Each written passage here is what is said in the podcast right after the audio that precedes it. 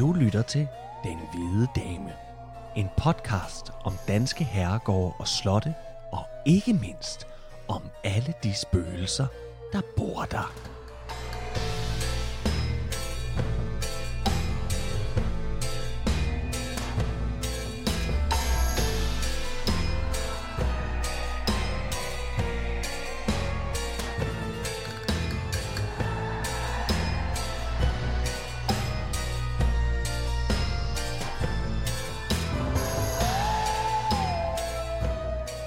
Velkommen til Den Hvide Dame, afsnit 16. Hvis du er til Danmarks historie og spøgelser, så er du i den grad havnet det rigtige sted. Jeg hedder Trine Gadeberg, og over for mig sidder min kære medvært, Kasper Lefebvre. Bonjour. Bonjour. Sæson 2. Ja, Vi er tilbage.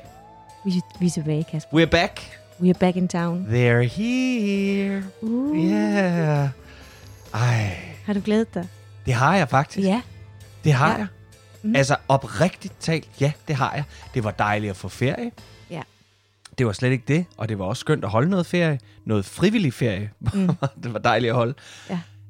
Men nej, hvor har jeg glædet mig til at komme tilbage. Og specielt også her, hvordan, når vi har kunne følge med på Instagram og Facebook, alle de her fantastiske, dejlige mennesker, der har givet dig tage billeder af ture, de har kørt til diverse slotte, som vi har foreslået. Og altså, det har været Det er fuldstændig så vildt. rørende. Vi må lige sige til, til, til de af lytterne, der ikke lige ved, hvad vi taler om lige nu. Men det var jo sådan, at vi inden vi gik på ferie, der opfordrede vi folk til, at nu vi skulle holde øh, ferien hjemme i Danmark primært, at man øh, tog ud i det danske sommerland og måske besøgte nogle af de her øh, herregårde og godser og slotte og øh, hvad hedder det, klostre og hvad pokker vi ellers har haft med i sæson 1 af Den Hvide Dame, og at man lige sendte en hilsen derudefra, og det skal jeg ellers love for, folk har gjort. Ja.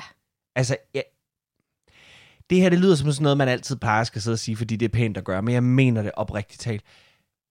Jeg blev simpelthen så rørt, og det gjorde du også, mm. Mm. ved jeg. Altså, det, det har været rørende at se, hvor mange mennesker, der har sendt os hilsner hele sommeren, og bliver ved med at sende os beskeder med, øh, hey, fed podcast, eller øh, hey, har I tænkt på det her slot, og det her slot, og Nu står vi her på Børlum Kloster, og det nu er står vi her på stadigvæk, Børlum Kloster. Jamen altså, Ja. hold nu op.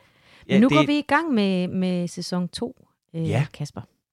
Det gør vi, og øh, i dag skal vi øh, besøge et øh, slot, Yes. som nogen måske vil kende i hvert fald udseendet af. Og hvis man har lidt over på banen, som du og jeg har. Ja. Øh, men øh, det er jo øh, det er Rosenholm Slot. Men øh, mange vil måske genkende det fra DR's julekalender Jul på Slottet. Som blev optaget i 1985 og sendt første gang i 86. 1900. Nej, det blev optaget Fem, i nå, okay, 85 og sendt i og blev 86. sendt i 86, ja. Det er sørme, det er sand, december, den dejligste... Sidder Ja. vi her og synger i den varmeste, øh, det varmeste studie. Ja. Det er nemlig nemt at være en drillepind med ægte drillesind. Ja. Ikke?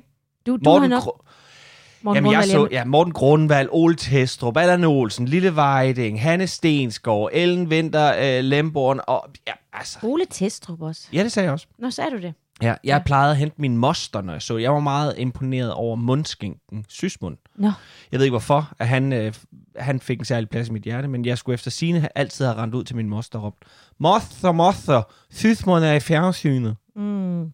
Og så var det ligesom i gang. Men det var faktisk også en jule... Jeg, jeg tror ikke, jeg så den, øh, fordi jeg, jeg havde en anden alder på det tidspunkt, så jeg så ikke julekalender, tror jeg. Mm. Men du gjorde, altså det nok have været en af dem, du virkelig kan huske, ikke?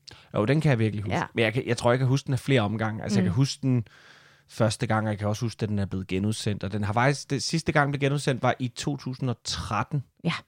Øh, og den der ligger grandgiveligt inde på DR's hjemmeside, hvis man Ja.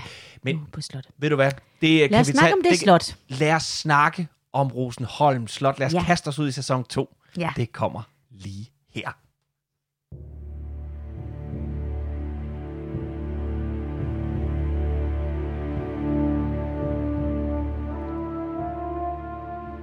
Rosenholm Å på det smukke Djursland 25 km nordøst for Aarhus har taget sit navn efter Rosenholm Slot. Men det er nu åen, der står fader til slottet. Rosenholm, eller bare Holm, eller Holme, eller Holmegård, som det hedder, hvor vores historie begynder, blev grundlagt en gang i middelalderen. Måske er Byrøl slakke til Holm i 1250'erne. Men det kan vi altså ikke dokumentere med sikkerhed. Så lad os holde os til, hvad vi ved. Og det vi ved, det er, at vi kan læse fra et dokument om jordhandel fra 1416, at der omtales en ridder ved navn Anders Pets, som ejer af gården. Og som dengang med al sandsynlighed har ligget små 300 meter nordøst for den nuværende hovedbygning. Pets har været en betroet ridder, da vi blandt andet finder hans underskrift på Margrethe den Førstes fredsaftale i Helsingborg imellem Løvenbalk og Brok-slægterne, efter at Jens Nielsen Løvenbalk slog Jens Jensen Brok ihjel. Det er en morsag, som vi har haft op at vende her i Den Hvide Dame, og den kan man høre mere om i det afsnit, der handler om Claus Holm. Så det er jo bare at gå tilbage og høre den. Pets-slægten sidder på Holm, eller Holme, eller Holmegård, frem til begyndelsen af 1500-tallet, hvor en svigersøn ved navn Peder Krabbe kortveje er herre på gården, inden han forgældet i 1521 må sælge den til biskoppen i Aarhus, Niels Clausen Skade. Så nu hører Holmegård under bispestolen og kirken, indtil at det efter reformationen kommer under kronen som alt andet kirkeejet gods på den tid. Under kronen er det en bonde, der forpagter gården ind til Frederik den anden igennem et mageskifte i 1559 sælger til Jørgen Ottesen Rosenkrantz. Og nu begynder historien om Danmarks ældste slægtsgård med et uafbrudt slægtseje på 461 år. Hvad siger du så? Det er imponerende. Er det ikke fantastisk? Jo. 461 år. Ja. Ja. Nå, vi skal tilbage til Jørgen Ottesen Rosenkrantz, som jeg personligt, vil jeg sige, blev fan af, da jeg lavede research til det her afsnit. For man skal lede længe efter en mere arbejdsom mand end ham. Han må simpelthen have haft en time mere i døgnet end os andre. Jørgen Rosenkrantz var ud af en, på dette tidspunkt allerede meget berømt slægt. To af hans forfædre var begge rigshofmestre, nemlig Otte Nielsen og denne søn Erik Ottesen. Slægten ejede en anselig mængde gårde og godser på Aarhus Randers egnen, og det er Jørgens bror, Otte Holgersen til Boller, der bliver den første, der kalder sig for Rosenkrans.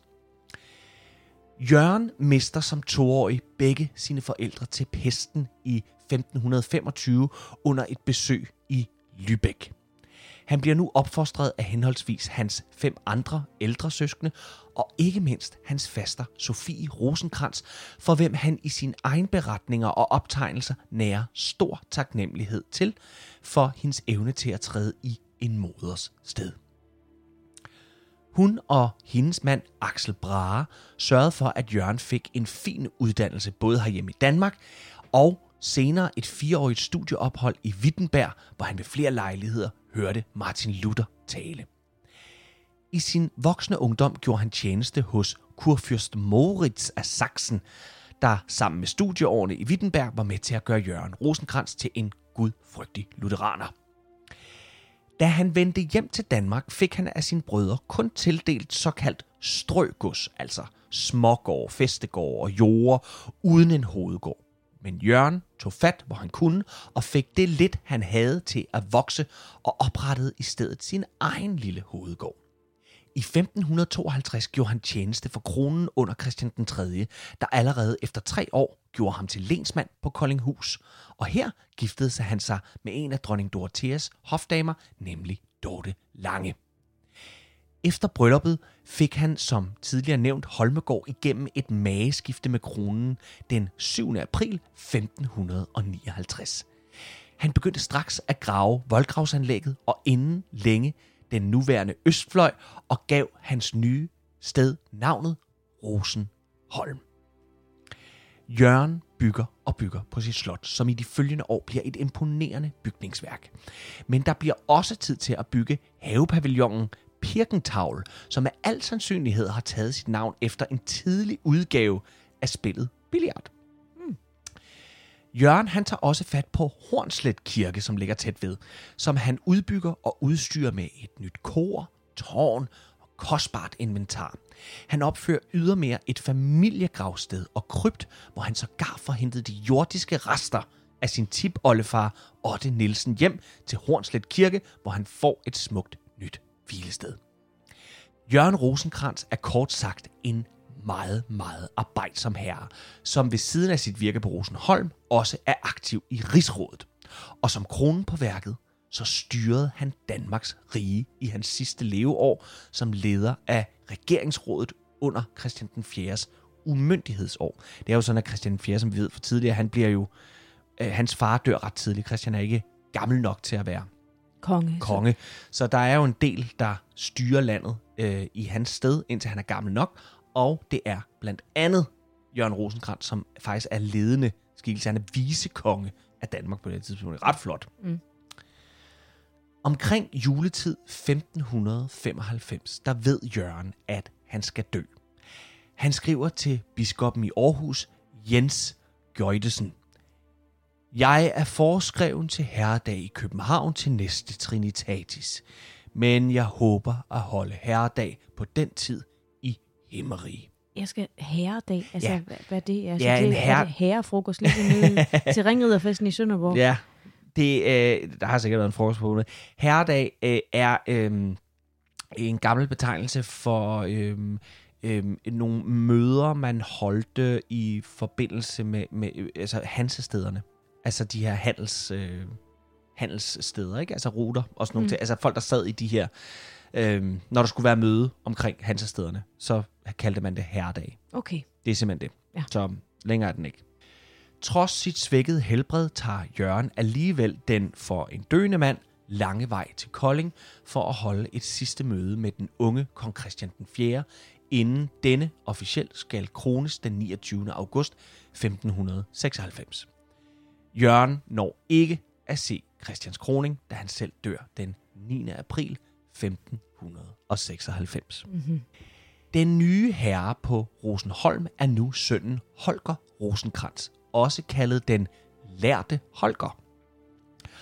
Holger er først og fremmest teolog og videnbegærlig. Hans største lykke i livet, det er studier. Udveksling af viden, musik, teater og digtekunst. Faktisk så medvirkede han selv i en række små teateropsætninger i sin studietid, som ligesom faderen foregik i den lutheranske højborg Wittenberg. Da Holger tiltræder som herre på Rosenholm, bliver det med fokus på lærer. Og i løbet af få år, så har han rent faktisk hele 75 elever under sig på Rosenholm, for uden hans egen børn. Og øh, det øh, resulterer i, at han lidt spøgefuldt kalder Rosenholm for Jyllands første universitet. det er det nærmest. Og det er ikke bare... Øh, altså, han bliver også sådan en, øh, en go-to-guy for danske teologer. Og ikke bare danske teologer, men også mange der europæiske teologer. Altså, han, han, han, han bliver faktisk et ret hot navn inden for teologi, fordi han kan bare det her, og han taler græsk, og han taler hebraisk, og altså, han er virkelig øh, flyvende med det her. Han, han, han elsker det, og, og, og derfor så går man tit til ham. Og som jeg lige sagde, så er Holger altså europæer af hele sit hjerte. Han er udadskuende med appetit på verden, og også den her, den nye verden jo, som åbner sig i Amerika. Alt, hvad han kan få ind af viden, det, det, det hilser han velkommen. Men hans adelige forpligtelser kræver ham hjemme i Danmark på Rosenholm. Og her forsøger han at balancere imellem de her to verdener.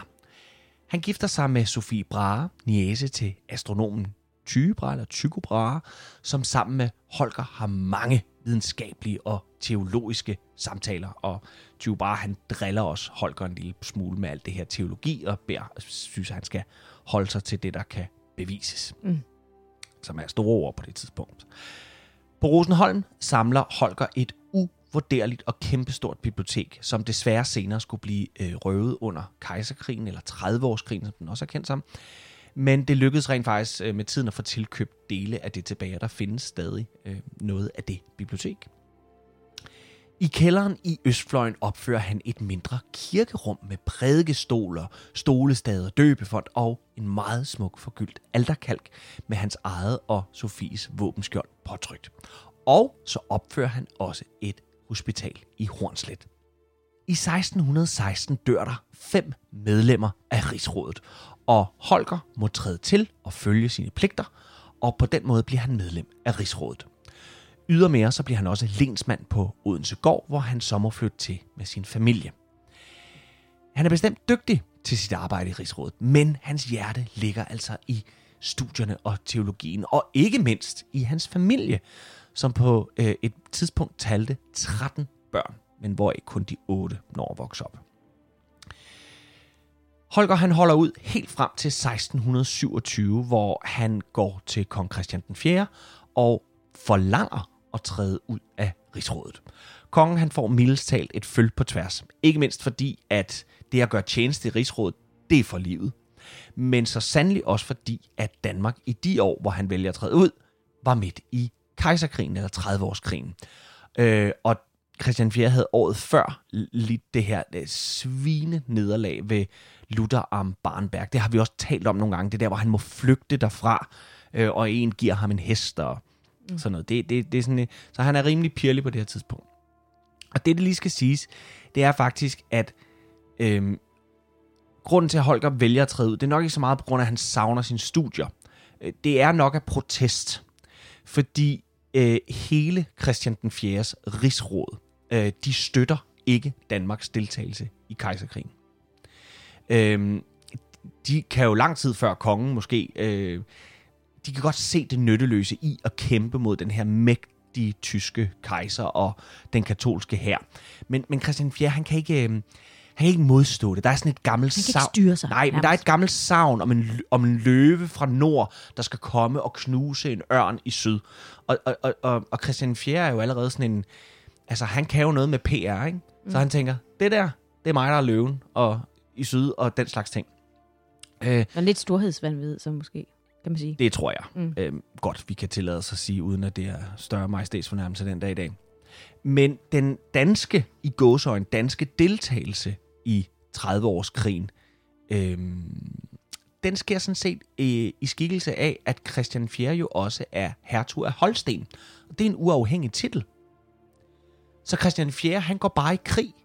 Han deltager i 30-årskrigen, ikke som Christian 4., men som hertug af Holsten. Ej. Og hertugen af Holsten, han, skal jo have, han kan jo bare spørge den danske konge, som er ham selv, om han må få noget, nogle soldater noget her med, og noget, ja, det må du gerne. Nå, tak skal du have. Ej, det er, det er sgu da sjovt. Ja, det er sådan lidt øh, privat Christian og... Øh, ja, øh, øh, privat lykke og privat lykke og lykke. kong, kong Christian og, og hertug Christian. Ja. Nå, så det var altså den, han gjorde det. Øh, han nægter Holger at træde ud af rigsrådet, men det gør Holger altså alligevel, og så må han altså flygte til Skåne. Nok ikke fordi han bliver slået ihjel, men bare lige for at være på den sikre side. Efter krigen så vender han tilbage til Rosenholm, hvor han her helliger sig sine studier i teologi fuldstændig. Han forsøger ovenikøbet de her år at udgive flere værker med nye teologiske og filosofiske tanker, som bærer præg af et mere humanistisk syn på forholdet mellem Gud og menneske. Og, øh, og, og han er faktisk ret meget forud sin tid på det her tidspunkt. Øh, man kan sige, at den lutherske altså, måde at gå til kristendommen på er jo ny. Men, men, men Holger er rent faktisk længere foran. Han, han har det her med, at uden at vi skal ud i en større luthersk øh, øh, teologisk øh, snak, men altså der er, det er en meget streng lærer, og særligt på det her tidspunkt, og hvor man siger, det endelige mål, det er øh, himmerige. Ja. Og der er Holger øh, af den opfattelse, at, at livet er dejligt, og at mennesket i livet kan få et personligt forhold til, til Gud. Det er sådan lidt mere humanistisk. Humanistisk, lidt mere langhåret, ikke? Sådan ja. på sådan en, en, en cool måde. Og der er han altså, altså meget, altså det, det, det, det er mange, mange, mange år senere, at vi ser sådan noget. Og disse her nye tanker, de går altså ikke i spænd med de lærte og strenge luthersk, te, øh, lutherske teologer, som i visse øh, tilfælde anser øh, Holgers idéer for at være decideret kætterske. Mm. Øh, så de, øh, de sørger for, at han ikke kan få udgivet de her ting. Og så skal vi også lige huske på, at der stadig sidder en forsmået og meget øh, stiktosset Christian 4., som højst sandsynligt også har haft en, en finger med i spillet i at, i at få stoppet øh, Holgers udgivelser. Så Holgers sidste tid, den er svær.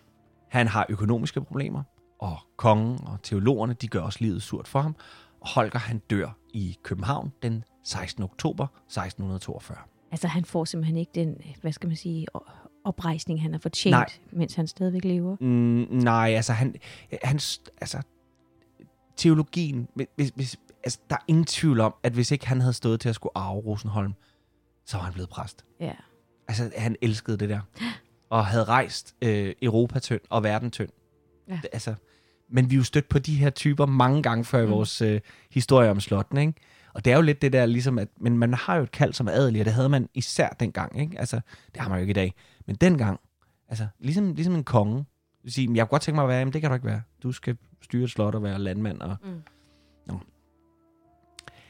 Heldigvis så er det Holgers yngste søn, Erik Rosenkrantz, der overtager slottet. Han er en god blanding af sin far og sin farfar. Det vil sige, at han er lært med en flot uddannelse bag sig. Både den, han har fået privat af sin far Holger, men også fra Oxford, Leiden og Paris. Og så er han landmand og bygherre, ligesom sin farfar. Han bygger til på slottet og udvider jordene med flere godser, som bliver ham øh, muligt, da han er gift tre gange. Og alle tre gange, der hører der gods og jord med, som han så fører til Rosenholm. Under Svenskerkrigen, der forsyner han øh, kronen med krudt fra egne krudtmøller og stude fra eget opdræt. Og da krigen slutter, og kronen ikke kan betale tilbage i kontanter, grundet krig er dyrt, så får han øh, pantegods, som han så ombytter med gods i nærheden af Rosenholm. Og på den måde vokser Rosenholm virkelig meget. Det bliver hans tredje og sidste kone, Margrethe Krabbe, der arver slottet efter hans død. Og da hun dør i 1545, så kommer Rosenholm af forskellige omveje. Der, der sidder et par rosenkranser hister her. Du sagde 1545, du mener 1745, ikke? Ja, jeg mener, undskyld, 1745. Ellers Ja. er vi langt tilbage. Ja, jeg undskyld. lige- Ja. Ja. Øh, da hun, så, så da hun dør, så er det så så sidder der i, i små korte perioder forskellige små rosenkranser. Øh, øh, og til sidst så ender det i øh, en fjern slægtning, øh, nemlig Iver Rosenkrantz. Han er en moden mand, da han overtager, men han har gjort en flot tjeneste som minister under Christian den 6. i 1730'erne, og som leder af det danske og tyske kanseli. I 1740 der trækker han sig så tilbage øh, til Rosenholm med en stor pension på lommen, som slottet så nyder godt af.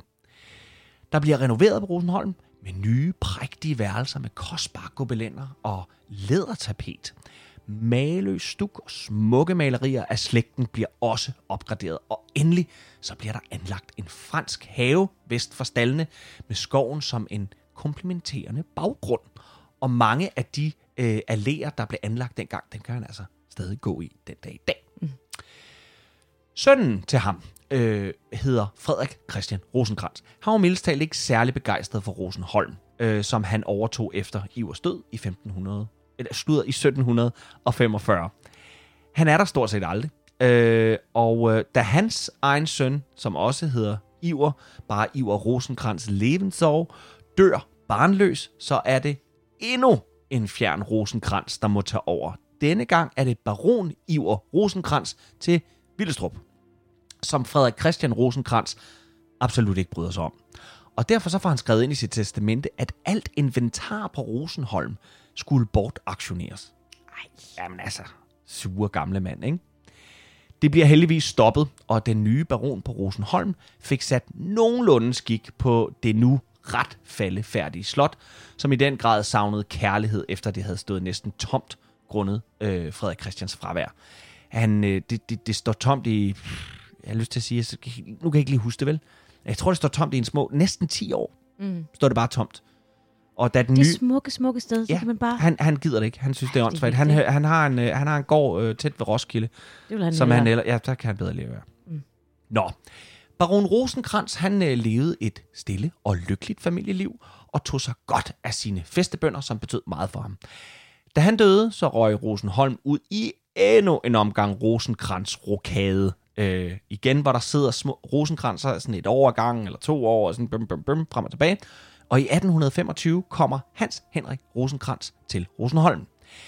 Han lever sådan meget spartansk og forstod, at slottet det kun kunne løbe rundt med hjælp fra bønderne og andre ansatte. Og øh, det er da også sådan, da en af bygningerne havde en 100-års fødselsdag, der var det ikke den fine adel og andre rosenkranser, der bliver inviteret til at fejre det. Det er de ansatte og bønderne på Rosenholm, der bliver inviteret til et stort gilde. Han fik i løbet af få år Rosenholm til at ligne slottet i dets velmagsdage, med en sund økonomi og et godt landbrug. Slottet fik en gennemgribende renovering, og senere blev der også lavet en omfattende slægtsbog om Rosenkrantz-familien. I 1936, der er det slut med at drive Rosenholm Slot i Rosenkransernes, hvad skal man sige, private regi. Økonomien øh, gjorde, at slottet kom under en fond, som den dag i dag heldigvis stadigvæk bestyres af de nulevende rosenkranser, som stolt kan føre denne enestående slægtshistorie videre ud i fremtiden. Men ikke alt er fryd og gammel på Rosenholm. Der foregår nemlig ting og sager på det gamle slot. Ting og sager, som selv de mennesker, der arbejder på slottet den dag i dag, ikke kan forklare med andre ord end paranormal aktivitet. Vi skal nu høre om spøgelserne på Rosenholm.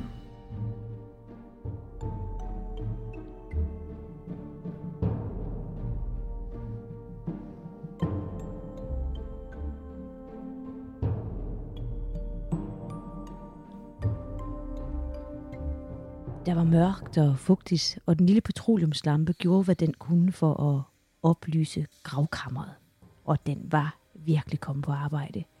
Lugten af indlukkethed og ting, der var jordslået og muk og fugt, fulgte næsebordet ved hver eneste vejrtrækning.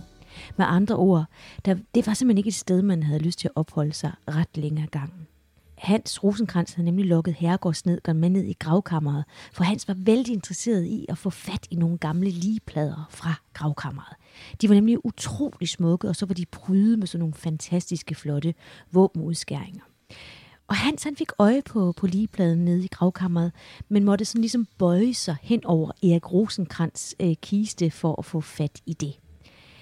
Erik Rosenkrantz øh, blev stedt til hvile i gravkammeret i 1681, så kisten, som Hans Rosenkrantz skulle læne sig ind over, var bestemt ikke af nyere dato. I det han læner sig hen over kisten, så bryder låget sammen. Så mørnet er det. Hans Rosenkrantz han falder simpelthen ned i kisten og lander ansigt til kranium med sin forfader, Erik Rosenkrantz. Det siger sig selv, at det har ikke været en behagelig oplevelse at lande på et skelet med så mange år på banen. Det tog lidt tid for Hans Henrik Rosenkrantz at komme sig over den her makabre oplevelse. Og da han skulle i seng øh, den nat, så var det altså en nat, han aldrig skulle komme til at glemme. Fordi natten blev simpelthen fyldt op med uhyggelige drømme. Øh, han vender, og han drejer sig i sengen, og med et så vågner han ved at døren ind til værelset går op skrækslagen, der hiver han simpelthen øh, dynen op, helt op til ansigtet og ryster over det hele. Og i døråbningen, der står der en mand. Og han er svært, lige ved at, han er svært ved at se lige, hvad, hvem, det er. Altså han kan ikke se manden tydeligt, fordi manden har sådan et, et baglys fra, fra gangen. Øhm, så han kan kun se sådan en skygge. Men så, så træder skyggen ind i værelset. Og i det kan han se, at det er Erik Rosenkrantz. Altså ham, han lige er har... faldet ned i kisten til. Og Erik kigger på Hans med et olmt og vredt blik, og så siger han så, hvorfor forstyrrer du de dødes fred? Og så forsvinder han igen. Næste morgen, da Hans han vågner, så kommer han i tanke om, om nattens uroligheder, og anser simpelthen, at han har haft, han har haft et, et mareridt. Altså, det var kun en drøm. Det er med ham, der stod i ja, værelse. Med Erik ja, men han tog fejl. Fordi nede i forstuen over kaminen, der hænger der sådan et kæmpe billede af Erik Rosenkrantz i en til en. Altså et gigabillede. Fuld figur. Et, et kæmpe portræt, ja. Og det hang der ikke den morgen. Det vil sige, rammen var der. Ja. Men billedet, det stod på gulvet foran kaminen som en ekstra advarsel Jesus til Hans Henrik Rosenkrantz. Ja. Den er vild, ikke? Der, der skal nogle kræfter til at lige at, at tage sådan et gammelt billede ud af, en ramme, ikke? Ja, det er i hvert fald en uh, gennemført prank, hvis nogen andre ja, skulle lave den der. Ja. Det er også en rimelig uh, ubehagelig, uh, ufrivillig uh, familiefest, ikke? Altså at lande lige i hovedet på en forfædre på den ja, måde. det må man sige. Puha. No. Men der er noget med billeder på Rosenholm Slot, fordi den nuværende forvalter Martin Knudsen, han fortalte mig, fordi jeg ringede til ham, Ja. øh, at han en aften, øh, hvor de på slottet havde sådan mørketidsfortællinger, der havde han oplevet noget helt usædvanligt. Øhm, han var kommet over til den hvide gang øh, sammen med et hold turister, og så, så stillede han sig så for enden af gangen, og så tog han et billede af gangen. Øh, og i kvarters tid efter, der kom der en, øh, en anden af slottets rundviser øh, øh, den her mørketidsaften, og helt uafhængig af Martin Knudsen, så tager han også et billede, stående i nogenlunde samme position som Martin, og knipser et billede af den hvide gang. Og da de end, øh, efter endt rundvisning øh, falder i snak, øh, der kommer, kommer de til at tale om det her billede, de hver især har taget. Og, og de viser hinanden billedet og ser til deres overraskelse, at de på hver deres billeder, der er der sådan en lille formation af tre små, selvlysende, grønne, runde objekter.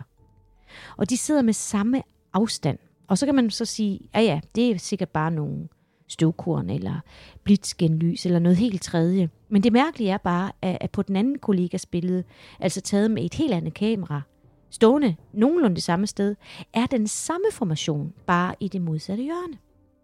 Som om noget inde i gangen havde flyttet sig i det kvarter fra den ene ende til det andet. Ja. Fordi det er jo kun, som jeg sagde, kvarter ja, ja, hver billede. Ja, ja. Man kalder også det her fænomen for en orb. Jeg sad lige og tænkte på det, Ja. om det var det. Ja. Og, og her kommer bare sådan en lille beskrivelse øh, fra nettet, jeg, jeg har fundet. Ikke? En orb, det er en lille lysende og gennemsigtig kugle, som til sydenladende svæver rundt af sig selv. I spirituelle kredse menes det, at disse orber er sjæle eller ånder eller spøgelser eller blot ren energi. Når de bliver fotograferet, er disse orber også gennemsigtige og lysende. Og zoomer man ind på dem, så kan man endda øh, nogle gange se ansigter. Okay. Og de adskiller sig fra støvpartikler, da partikler de flyder sådan rundt i luftstrømme, Mm. og orber ser ud til at blive styret af noget. Mm. Men det kan også være støvpartikler, altså insekter. Ja. Men det skulle være ret nemt med sådan et stykke software at øh, analysere, om det er det ene eller det andet. Så hermed, Martin Knudsen, så er der en opfordring sendt til dig. Det kunne jo være, at I skulle analysere billederne, for det ville da være vanvittigt, hvis, Det kunne da være sjovt. altså, hvis det var. Men det kan da også være, at vi skulle øh, have det software.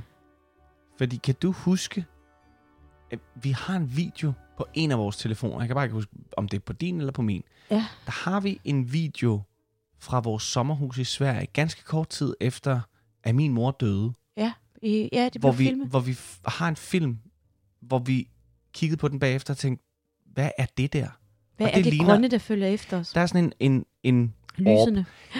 jeg tror stadig personligt, at det er et insekt.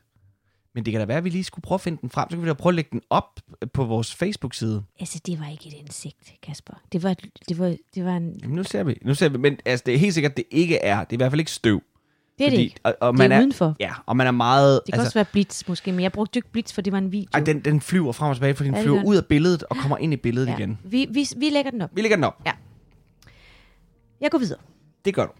Der blev hamret og banket i det gamle tårnværelse. Det skulle renoveres, og det trængte til en ordentlig omgang. I muren lige ved siden af tårnværelset, der, der var der sådan et gammel, en gammel vinduesniche.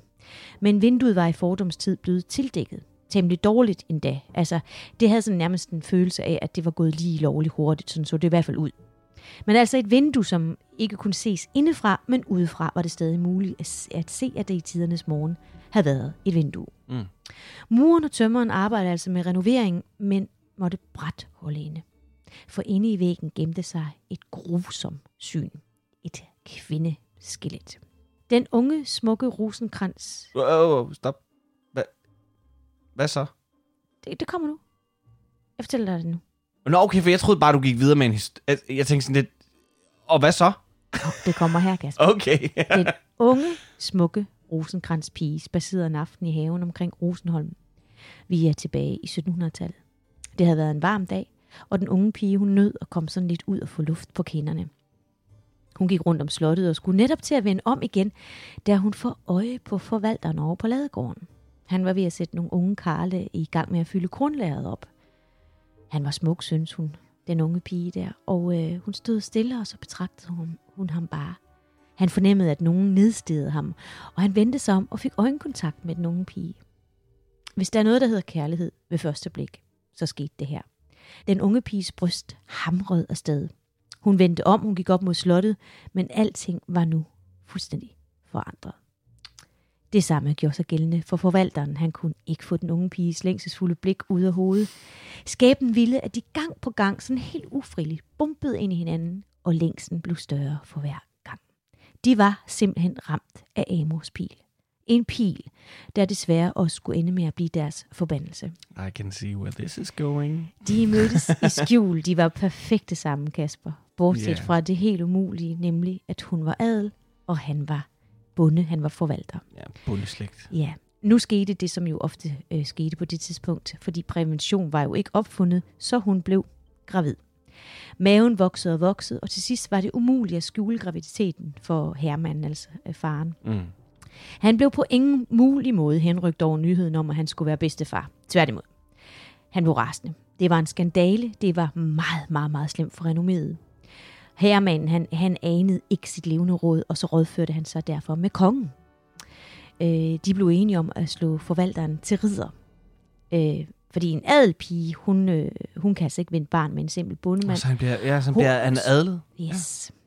Det, det, var, det var de simpelthen nødt til. Så kongen han kommer til Rosenholm, og øh, Herman han vil sig selv stå for ridderslagningen, og i Slotsgården der forestår nu den her store begivenhed. Herman han trækker sit store svær, øh, forvalteren knæler for ham, Mm. som det hører og bør sig i en ridderslagning, så skal den kommende ridder røres på skulderen tre gange med sværet. Det sker også. Første gang på højre skulder, anden gang på venstre skulder, tredje gang, så hæver han sværet, hugger hovedet af ham. Jesus. Og det har hele tiden været planen. Var det ikke forfærdeligt? Det var da vildt. Prøv at se, sådan man har siddet derinde i, i Slotsgården med gæster og alle mulige mennesker, der bare har Mm. set. Altså, ja. Nu lå forvalteren på jorden, hovedløs, men dog ridder. Man skulle tro, at alt nu var godt, men det var det ikke. Den unge pige, Hermans egen datter, hun blev nemlig levende muret inde i vinduesnischen til skræk og advarsel for alle de andre adelskvinder, der kunne finde på at indvillige i et forhold øh, under stand. Og det var altså det her kvindeskelet, de fandt i muren mere end 100 år efter. Kraniet af det her skelet, mm. det ligger den dag i dag på natbordet på en af værelserne ved den hvide gang. Shut up. På det værelse, der hedder Palles værelse. Det gør det ikke. Øh, Yes, det gør det. For Ja. real? Yes. Hvis du skulle befinde dig på slottet om natten, så kan du være heldig at møde den hvide dame, som hun også kaldes. Ah. For det starter med, at gobelinget, det blafrer, altså gardinet blafrer, og ud af væggen træder den hvide dame, hun træder ud, og så svæver hun nu hen ad den hvide gang, frem og tilbage i håbet om at møde den hovedløse ridder. Og hun møder ham, lige midt på gangen, hvor han praktisk talt går rundt med hovedet under armen i sin søgning efter sin elskede. Jamen, man har set ham. Ja, men det er, men selvfølgelig. Selvfølgelig. der er faktisk en beretning om øh, til et bryllup af lidt ældre dato på Rosenholm Slot, der oplevede gommen, da hans højgravide brud skulle på toilettet. Så ved du godt, at, at det er sådan en kutyme. Når, Så løber man op og kysser. Yes, Ja. ja. Og han oplevede sådan, at han fik sådan en brændende fornemmelse på halsen. Altså, øh, og, virkelig ubehagelig fornemmelse øh, Mm. på halsen. Og det blev værre og værre. Og da en af gæsterne, altså en af pigerne, skulle kysse ham, som jo er kutyme, som jeg sagde, Mm. så lagde hun mærke til et rødt mærke, og hun spørger så, hvad i alverden, øh, hvad er det for et rødt mærke, du har der? Det var jo helt vildt. Og det kunne han jo ikke forklare. Han kunne Mm. bare mærke, at det, Mm. at det, var, at det gjorde ondt. Men samtidig, ude på toilettet, hvor, hvor den højgravide brud var, da hun var færdig med, med toiletbesøget, der kunne hun simpelthen ikke få døren op. Den, den havde sat sig øh, i baglås. Og så gik hun simpelthen i, i panik, og hun hæv og sled i døren, men den kunne ikke gå op. Og hun råbte efter hjælp, men, men ingen hørte hende. Fordi du kan jo forestille dig, at det Ja, ja, ja. et gammelt slot med sådan en kæmpe stor Ja, dør. i. ja, ja. I stedet for, der mærkede hun sådan en isnende fornemmelse, at hun ikke var alene i rummet. Satan. Og lige pludselig så ser hun sådan nogle gardiner, der begynder at blafre, og ud træder den hvide dame. Og med viskende og spinkel stemme, så går hun helt tæt på den højgravide brud og visker til hende. Sådan går det, når man har utålig omgang med det modsatte køn. Fuck off. Så forsvandt hun, og bruden kunne igen få døren op. Men Åh. hun var rystet, og det er der jo ikke noget at sige til. Jeg havde født lige der på gulvet. I, Ja. På det værelse, hvor kraniet af den hvide dame ligger på natbordet, som vi snakkede om, der, der hænger der et billede af Palle Rosenkrantz. Han var en aldeles ubehøvlet og ondskabsfuld herre. Og faktisk blev det for meget øh, for fanden selv. Øh, så fanden øh, gør det, at han en sen aften henter Palle hjem til helvede. Og Palle var på vej i seng og går hen ad den hvide gang, men lige pludselig så får han besøg af fanden, som hiver Palle i gravetøjet, og væk er Palle. Mm-hmm. Men ikke det hele er Palle, fordi tilbage står et par rygende gummistøvler i det værelse. Gummistøvler? Gummistøvler, eller sådan nogle kæmpe store gamle støvler. Nå, okay. Ja, Ja, men jeg skulle lige til at sige, fordi så er det da, ny, så er det da virkelig en nyere dato. Men en af de her kammerdamer, hun går og leder øh, efter Palle, og hun banker på værelset, men ingen svarer. Så lukker hun lige så forsigtigt op og konstaterer, at sengen er urørt. Han har simpelthen ikke været der. Mm. Og opdager så de her rygende støvler. Og af skræk for, at nogen skulle antænde det her gamle slot, så, så kyler hun dem ud af vinduet og ned i voldgraven. Og nu tænker du sikkert, Kasper, ah, det er en gammel røverhistorie. Og Ja. det er det måske også. Men Ja. faktum er, at man den dag i dag kan høre disse støvler vandre hvileløst frem og tilbage på den hvide gang, hvor de leder efter deres herre, nemlig Palle Rosenkrantz. En tidligere rengøringsdame på slottet har nemlig fortalt den nuværende forvalter, øh, Martin Knudsen, som vi talte om før, mm. at hun en dag øh, havde en mystisk oplevelse. Hun gik og gjorde rent på øh, et af værelserne på den hvide gang, og så hører hun pludselig de her fodtrin af, af støvlerne på gangen. Hun undrer sig, fordi hun, hun plejer at være alene. Øh, så går hun ud på gangen, men der er ikke nogen. Mm. Og ligesom hun skal til at vende, sig, øh, vende om igen og ind igen på værelset og gøre rent igen, så går samtlige mørklægningsrullegardinerne op i samtlige værelser. Frop. Oh, oh. Er det ikke vildt? Jo, det er ikke rart. Nej. I den røde gang, eller gallerigangen, som den også hedder, har man også i, i tidernes morgen oplevet noget højst ejendommeligt, øh, og det gør man faktisk stadigvæk. Fordi hvis man tager et bestemt billede ned og kalker den røde, hvid, øh, den røde væg op igen, for det skal den jo af og til, Mm. så kan man være ganske forvisset om, at næste dag, der er pusset rød af. Og i stedet så kan man se aftegninger af en menneske, altså en menneskeskikkelse, mm. som man mener øh, at kunne se er Palle Rosenkrantz. Nå, Så er- han spørger Ja, det skal jeg da love for. temmelig meget på Rosenholm Slot. Nå. Og det er altså noget, man til stadighed oplever på Rosenholm. Mm. Holger Rosenkrantz, ham den lærte, øhm, han havde en, en oplevelse, en mystisk oplevelse, som jeg lige vil fortælle dig nu. Øhm, Ja. Han øh, var nede i det her øh, lysthus, altså det her universitet, som han kaldte det Pirkentavl. Var det ikke sådan, det var? Ja. Jo. Der sad han altså og underviste, og han var, var temmelig gammel på det her tidspunkt, og opdager, at han har glemt en bog på Slottets bibliotek. Og så får han en ung elev til at gå over og hente den. Mhm. Og da eleven kommer derover, der sidder Holger allerede og læser i bogen. Eleven går tilbage øh, uden bogen, fordi det, han bliver jo fuldstændig forskrækket, Ja, hvorfor Holger ja, ja. nu sidder der. Så han er overbevist om, at Holger laver gæk med ham. Øh, og at Holger måske havde skudt genvej igennem sådan en løngang under Ja. ja. slottet. Men da han kommer tilbage til lysthuset, sidder Holger der også stadigvæk. Og Holger spørger nu efter bogen, men den unge elev fortæller så, hvad det, hvad det var, han havde oplevet. Og det vil Holger så gerne se. Så Ja. Holger går med tilbage øh, til biblioteket sammen med, med de andre studerende. Og ganske rigtigt, Holger sidder ved skrivebordet, men, men samtidig står Holger også i døren. Holger siger nu til den anden Holger ved skrivebordet, er du eller jeg den rette? Holger tog det her som et varsel om, at han snart skulle dø, hvilket han også gjorde.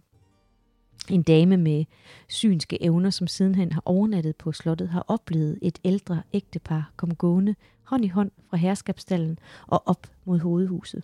Og hun kendte på ingen måde til, til deres udseende, men kunne beskrive dem til mindste detalje, og derfor kunne man konstatere, at det måtte være Holger og hans hustru Sofie, som også er at finde nu, Mm. efter deres død på Rosenholm.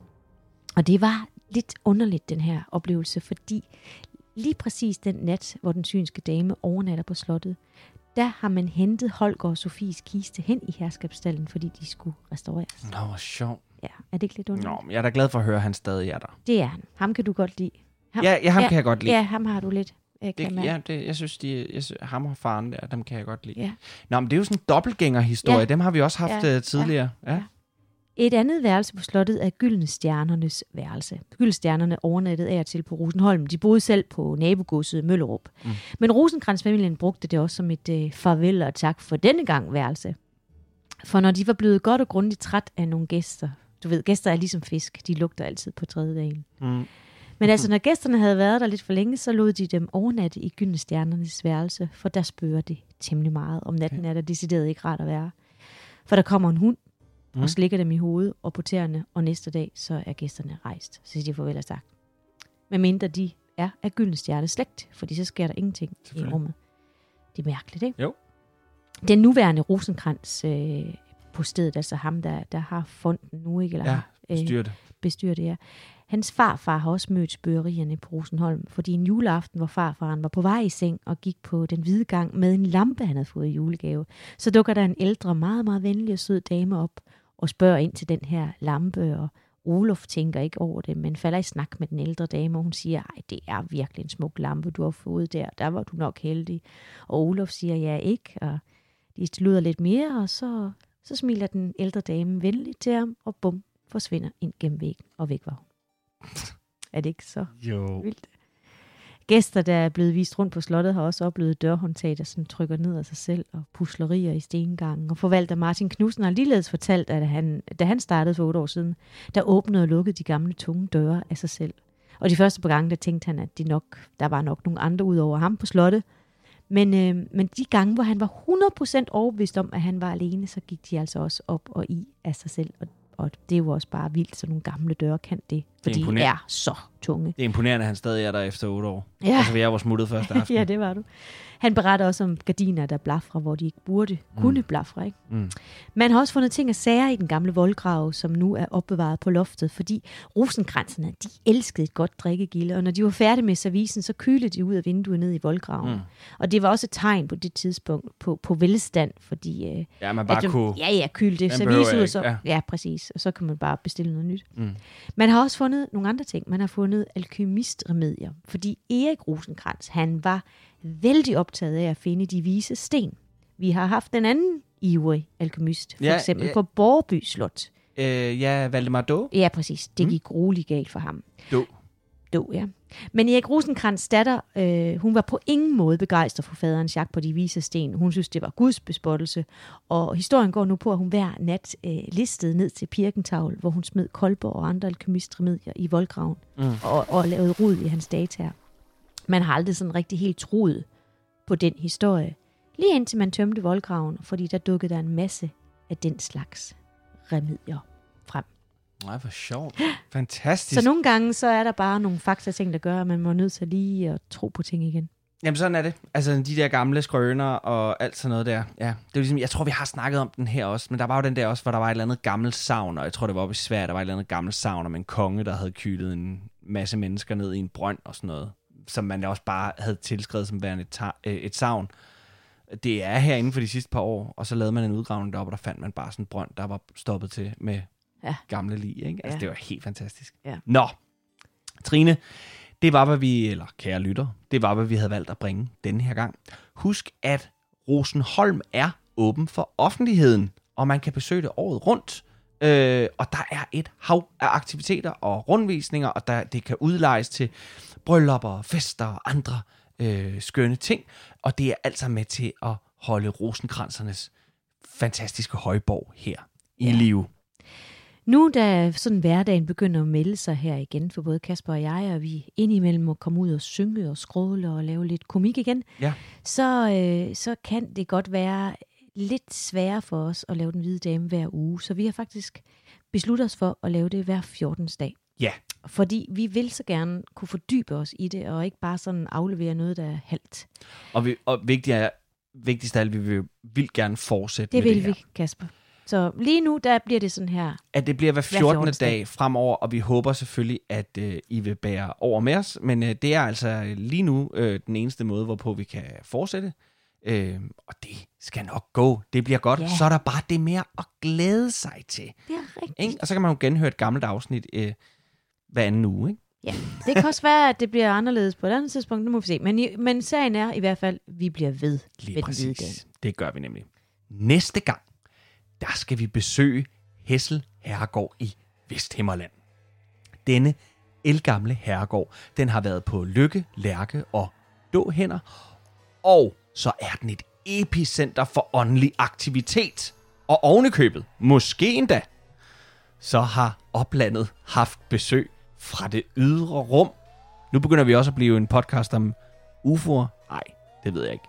Men ved hvad, det finder vi alt sammen ud af om 14 dage. Og indtil da, der skal jeg bare sige tak til dig, Trine. Tak til dig, Kasper.